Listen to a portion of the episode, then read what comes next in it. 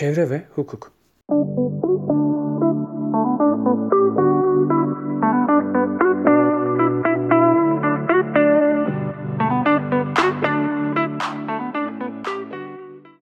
Çevre kavramı TDK'nın tanımına göre hayatın gelişmesinde etkili olan doğal, toplumsal, kültürel, dış faktörlerin bütünlüğü şeklinde tanımlanır. Toplumu yasalar aracılığıyla düzenleme görevi olan hukuk kavramının çevre gibi geniş ve evrensel bir yapıyı da kapsaması öngörülebilir bir sonuçtur. Uluslararası çevre hukuku 18. yüzyılda doğsa da 1972 yılında Birleşmiş Milletler İnsan Çevresi Konferansı uluslararası çevre hukukunun temelidir. Türkiye'nin 1970'lerinde insanların çevre sorunları ile ilgilenip bir reaksiyon almak istediklerinde var olan hukuk kuralları ihtiyacı karşılamadığından çevre hukuku alanının temelleri atıldı. Evrensel ve herkesin ortak malı olan çevre hakkında genel bir düzenleme olmasaydı ne olurdu sorusuna Hubert Reeves'in doğa ile bir savaş halindeyiz. Eğer kazanırsak kaybedeceğiz cümlesiyle makul bir cevap verebiliriz.'' Ne yazık ki özellikle sanayi alanında olduğu gibi bazı alanlardaki eylemlerin doğaya verdiği tahribatın telafisi yok ve henüz başka bir gezegenimiz de yok.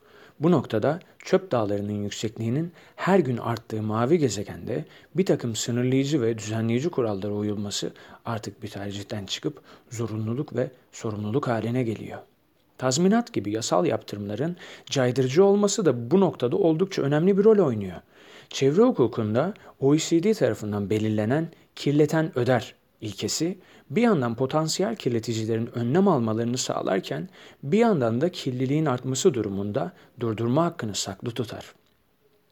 Çevrenin korunması ve iyileştirilmesinde önemli payları olan sivil toplum kuruluşlarının da etkisiyle çevre hukukunda işbirliği ve eşgüdüm, entegrasyon, katılım ve önleme gibi ilkeler oluşturulmuştur.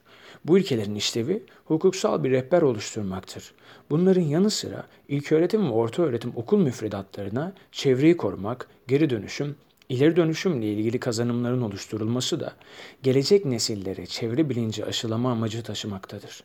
Bizden sonraki nesillere daha iyi bir çevre bırakmak insanlığa yapacağımız en büyük faydalardan biridir. Sadece benim çabamla ne değişebilir? Sorularına da sadece bir kişinin bile çevreyi koruması birçok insanın geleceğini, fiziksel sağlığı ve hatta psikolojisini etkilediğini anlatarak cevap verebiliriz. Çevre kirliliğinin zincirleme olduğu gibi sonuçları ve boyutları da maalesef zincirlemedir.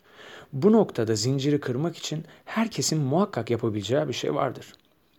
Kentsel dönüşümden geri dönüşüme kadar kapsayıcı olan çevre hukuku bu noktada önleyici bir rol üstlenip herkese bir güvence sağlamaya çalışır.